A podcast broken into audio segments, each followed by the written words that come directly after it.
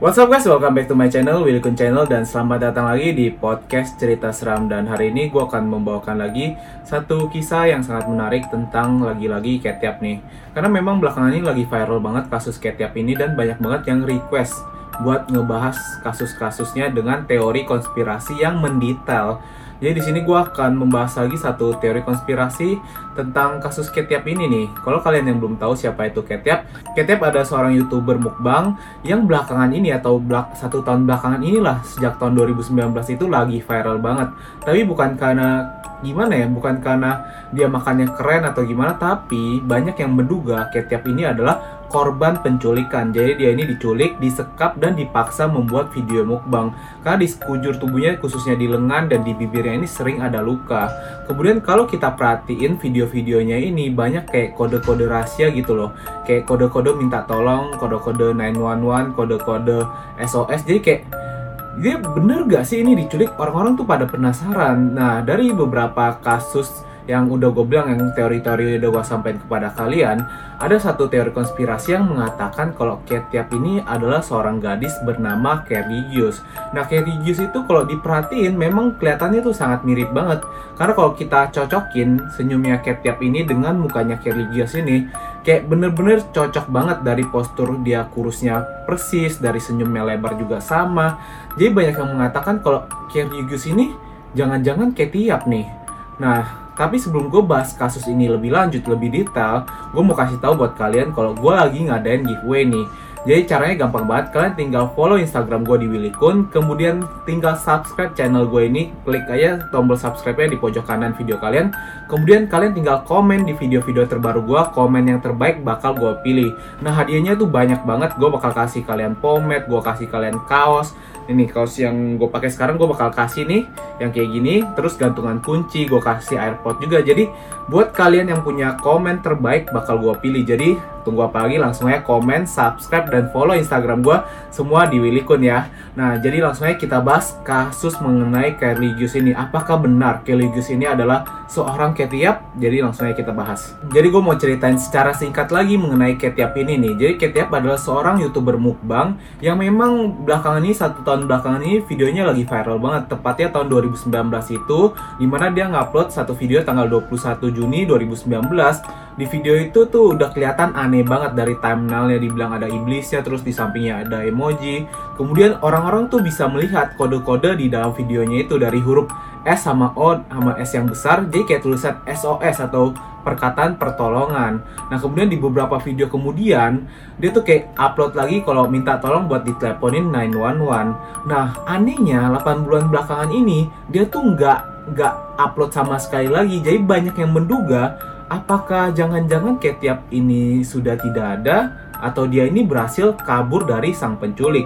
Nah dari kasus ini berkembanglah orang-orang para netizen ini mencocokkan kalau Kelihatannya sih sepertinya Ketiap ini mirip dengan seorang gadis bernama Kerligius.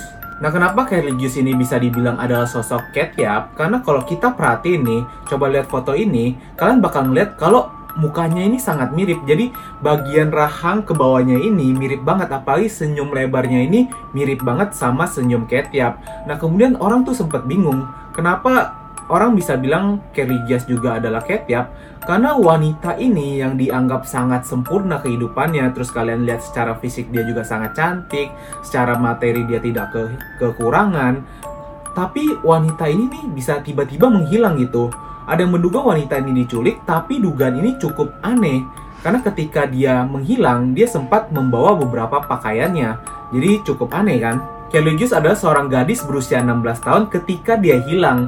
Berarti kalau dihitung tahun sekarang dia udah berusia 18 tahun. Nah dia adalah seorang gadis yang sangat pintar dan sangat populer di sekolahnya itu.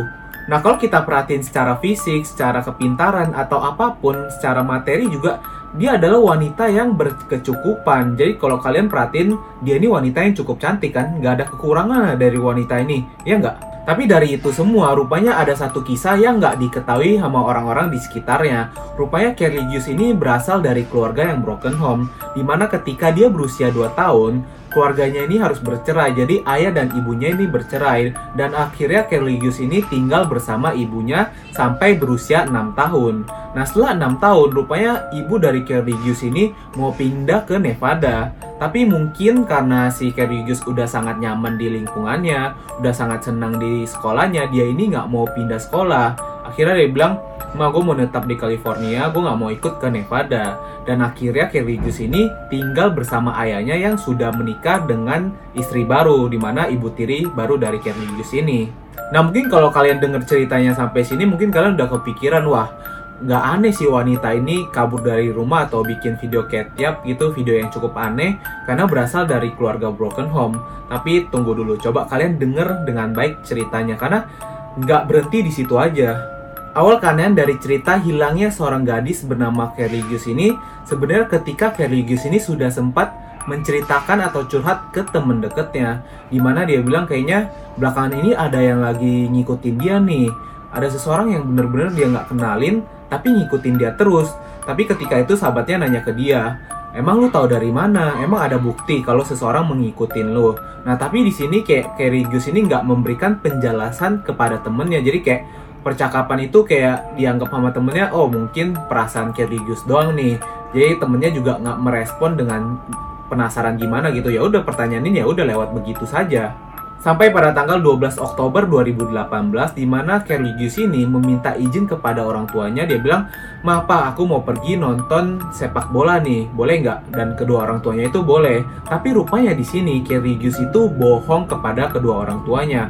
Rupanya Kerligius itu pada malam itu mau pergi ke pesta di salah satu rumah temennya. Nah, kalau kalian informasinya buat kalian nih, pesta di salah satu rumah itu nggak kayak clubbing. Jadi di Amerika Serikat itu memang setiap minggunya ada pesta-pesta kecil seperti ini dan setiap minggunya itu berpindah-pindah rumah jadi ganti-gantian. Nah di sini ya menurut gue sih ini hal yang cukup wajar lah kenapa Kerligus ini berbohong kepada kedua orang tuanya. Karena kalau dia bilang mau pergi ke pesta kecil ini pasti kedua orang tuanya tuh ngelarang. Ya dia pikir ngapain gitu anaknya pergi ke pesta-pesta kayak gini mau ngapa-ngapain lagi. Jadi di sini kebohongan untuk pergi ke sana menurut gue cukup wajar sampai di sini. Dan rupanya ketika Kerligus pergi ke pesta ini dia itu pergi bersama pacarnya yang bernama Donald dan sahabatnya.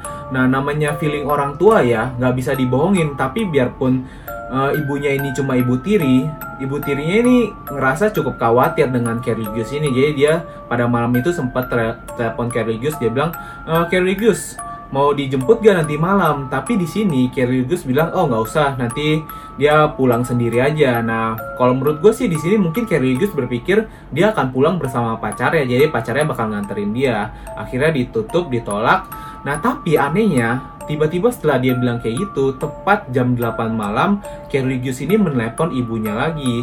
Jadi ketika di pestanya itu Kerligus ini kayak ada sikap-sikap yang cukup aneh kata temen-temennya itu. Dia kelihatan kayak orang yang parno kelihatan kayak gelisah gitulah.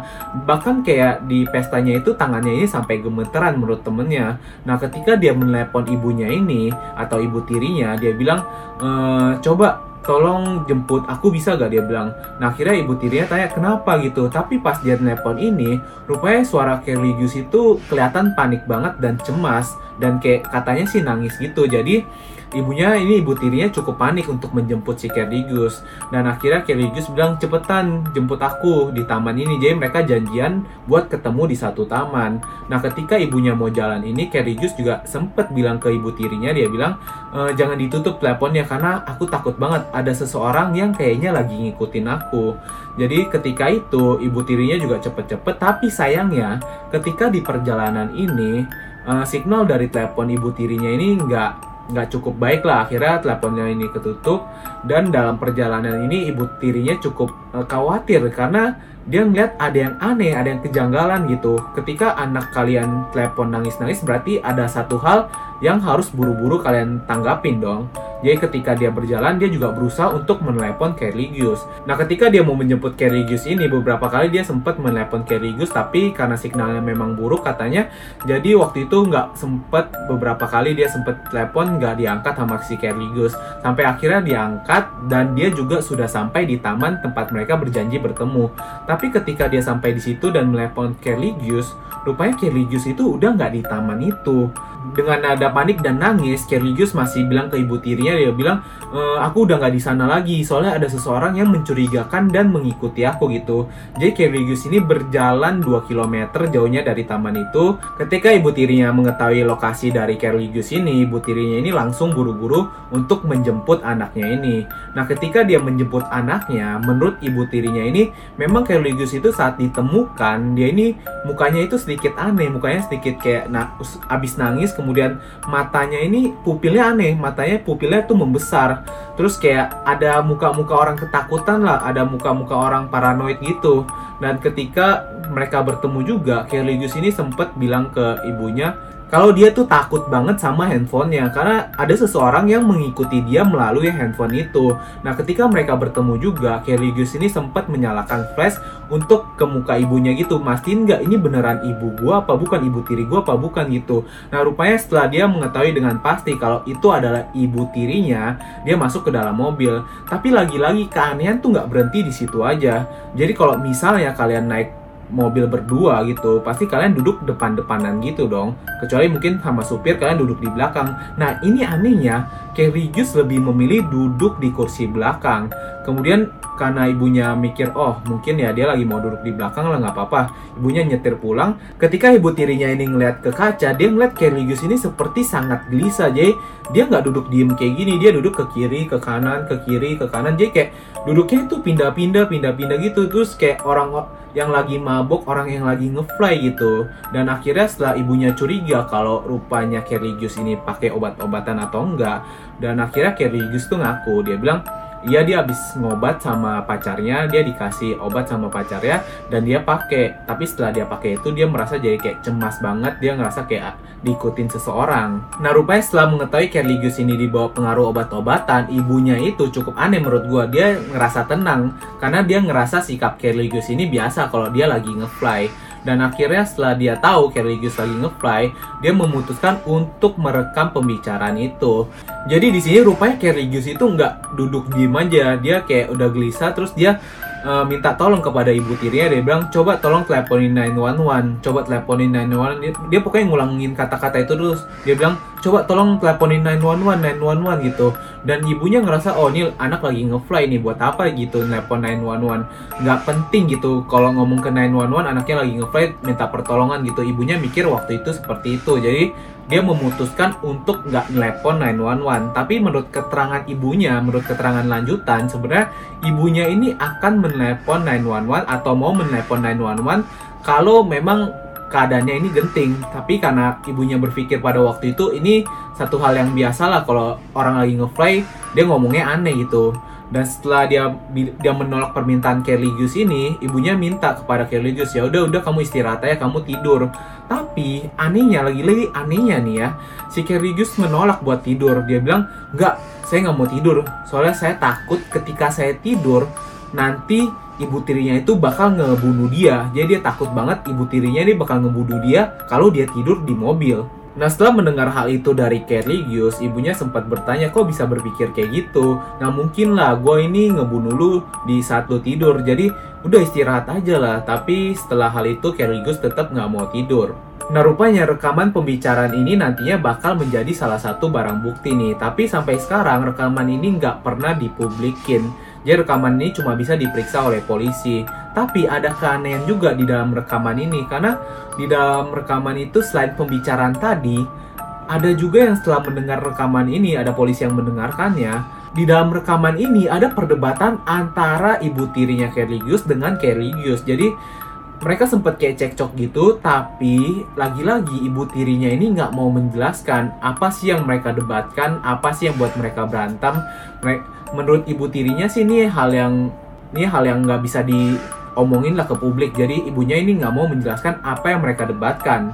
Dan lagi-lagi kecurigaan ini bener-bener kayak menuju ke arah ibu tirinya banget karena ibu tirinya ini sering memberikan keterangan yang berbeda-beda dari kasus ini. Jadi kronologi setelah ibu tirinya Kerligius dan Kerligius sampai di rumah, mereka ini sempat bertemu dengan ayahnya Kerligius. Ayahnya ini sedang mabuk karena uh, abis minum-minum katanya waktu itu. Nah setelah hal ini, karena ibu tirinya ini merasa kasihan dengan Kerligius, dia lagi ngefly, dia memutuskan untuk membuatkan salad kepada Kerligius.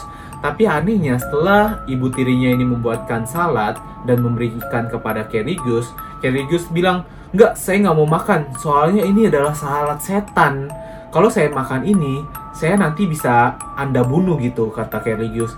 Terus karena ibu tirinya ini cukup bingung pada keadaan waktu itu, dia bilang, loh maksudnya apa nih? Maksudnya kenapa bisa berpikir kayak gitu, Kerrigus? Nggak mungkin lah saya seorang uh, ibu tiri Anda bisa membunuh Anda karena salad ini.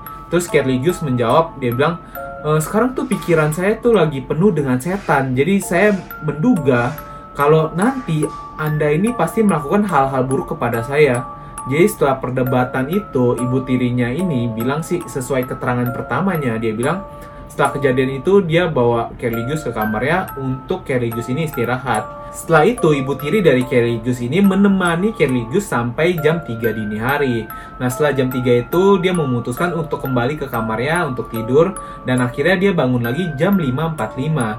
Di jam 5.45 ini, ketika dia ngecek Kerligus di kamarnya, dia bilang dia ngeliat keanehan sebenarnya. Dia lihat kayak Kerligus ini baringan, tapi matanya itu nggak tertutup. Nah, tapi dia di situ kayak berpikir, oh Kerligus ini udah di dalam rumah nih, udah bersama mereka, jadi nggak ada hal yang terlalu dikhawatirkan lah mungkin karena dia kayak masih panik masih pengaruh obat-obatan gitu. Jadi dia memutuskan untuk tidur lagi. Nah setelah itu dia kebangun lagi jam 7.30 dan ketika dia ngecek kamar Kerligius ini dia nggak menemukan Kerligius bahkan dia melihat kalau ada beberapa pakaian dari Kerligius yang hilang. Nah setelah itu dia turun ke bawah rumahnya dan dia melihat pintu depan rumahnya ini kebuka Nah, ketika itu dia berpikir, oh Kerligus ini kabur nih. Nah, itu keterangan yang pertama. Tapi di keterangan yang kedua, dia bilang kepada polisi, sebenarnya dia itu menemani Kerligus itu semalaman. Jadi dia ini sempet tidur di samping Kerligus sampai 5.45. 5.45 itu dia sempat bangun lagi dan dia lihat Kerligus ini masih di sampingnya. Tapi ketika dia bangun jam 7.30, seperti cerita yang pertama, dia nggak melihat Kerligus lagi dan dia ngecek ke bawah, pintunya ini seperti setengah terbuka. Nah, setelah kejadian itu, dia langsung membangunkan suaminya yang tadi kan kayak masih mabuk ini. Terus dia setelah bangunin dia ceritain ke suaminya kalau Kerligus itu udah hilang.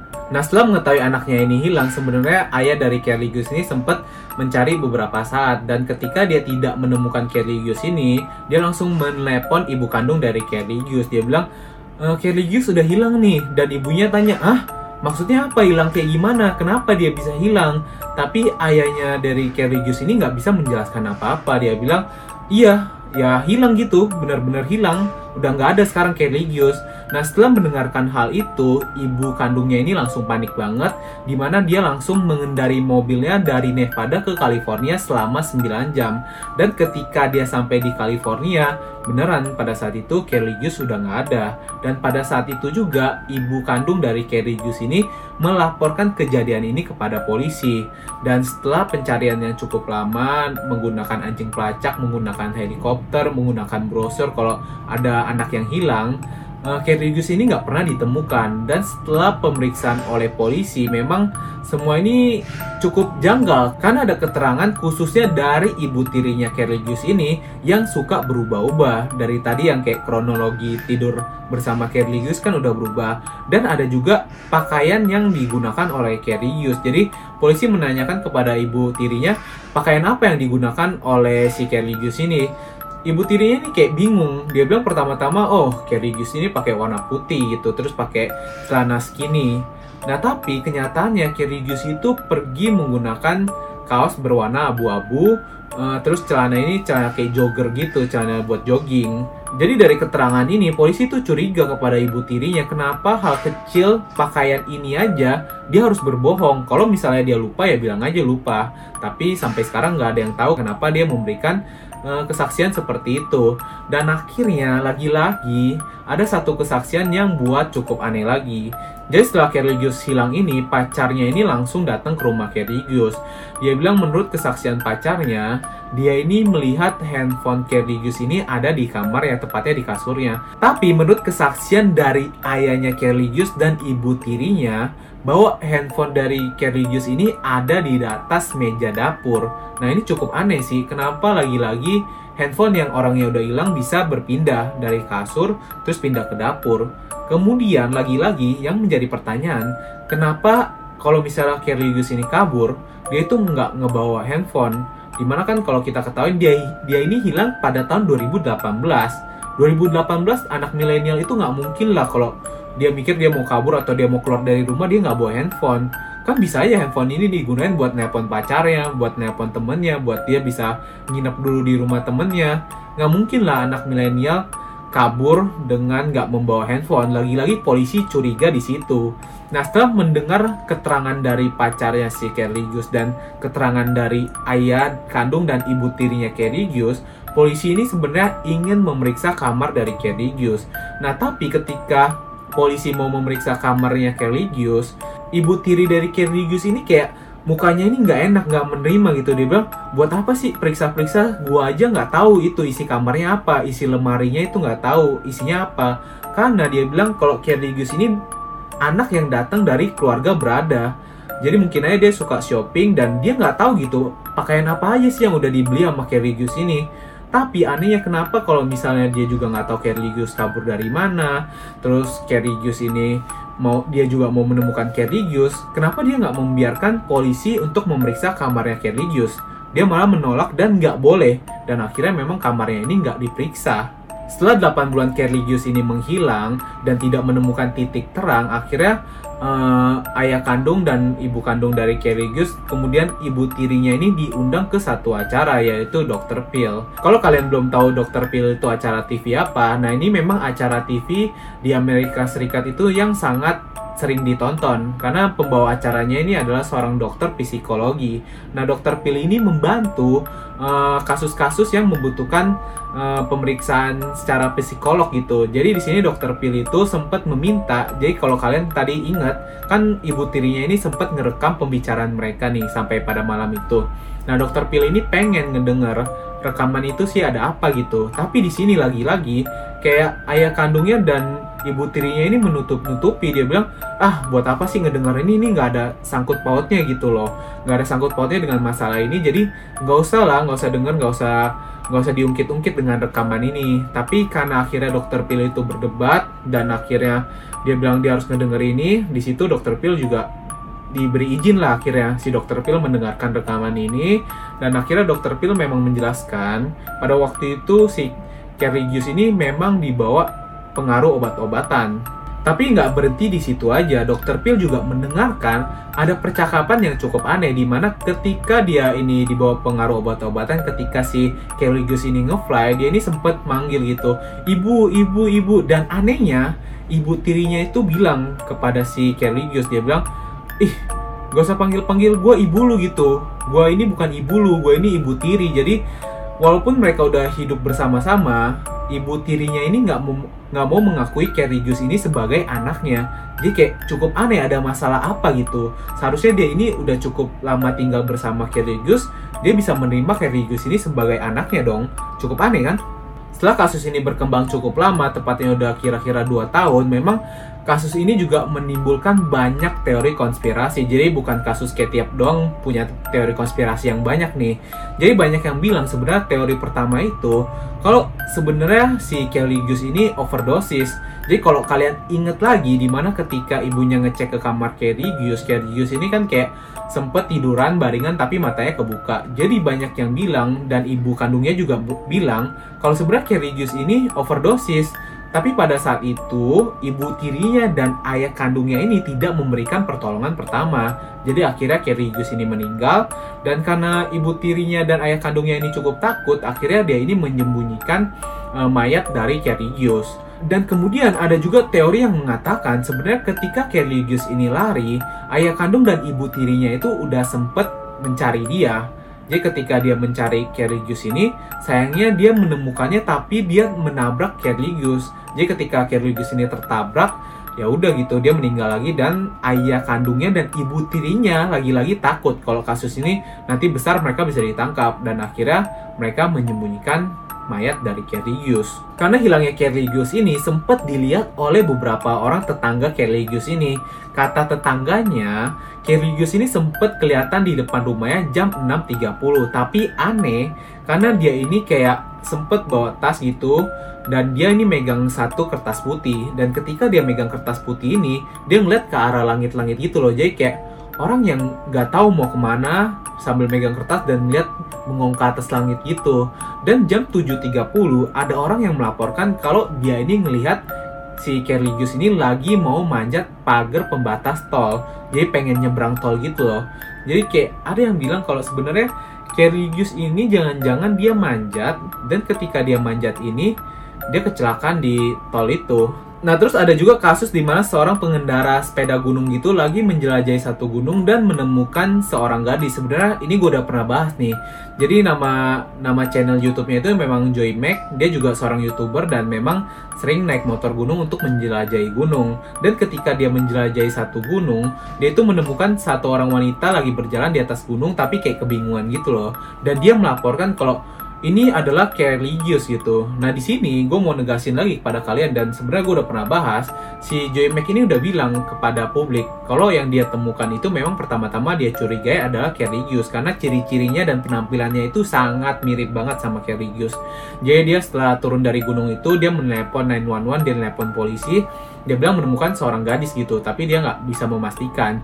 Jadi setelah hari itu polisi langsung melakukan pencarian dan wanita ini atau gadis ini ditemukan. Dia memang seorang gadis yang lagi tersesat bersama pacar ya. Jadi waktu itu memang gadis ini berumur 15 tahun, jadi beda ya. Si Kerligius kan berumur 16 tahun, wanita ini berumur 15 tahun dan bersama pacarnya yang berumur 17 tahun dan memang mereka ini tersesat. Tapi di sini polisi juga menegaskan, si Joy Mac juga menegaskan, rupanya gadis ini bukan Carrie Hughes. Jadi uh, kasus penemuan Carrie Hughes ini masih menjadi misteri. Nah, ada satu lagi teori konspirasi yang sekarang digabungkan Kelly Hughes adalah Ketiap. Kenapa bisa seperti ini?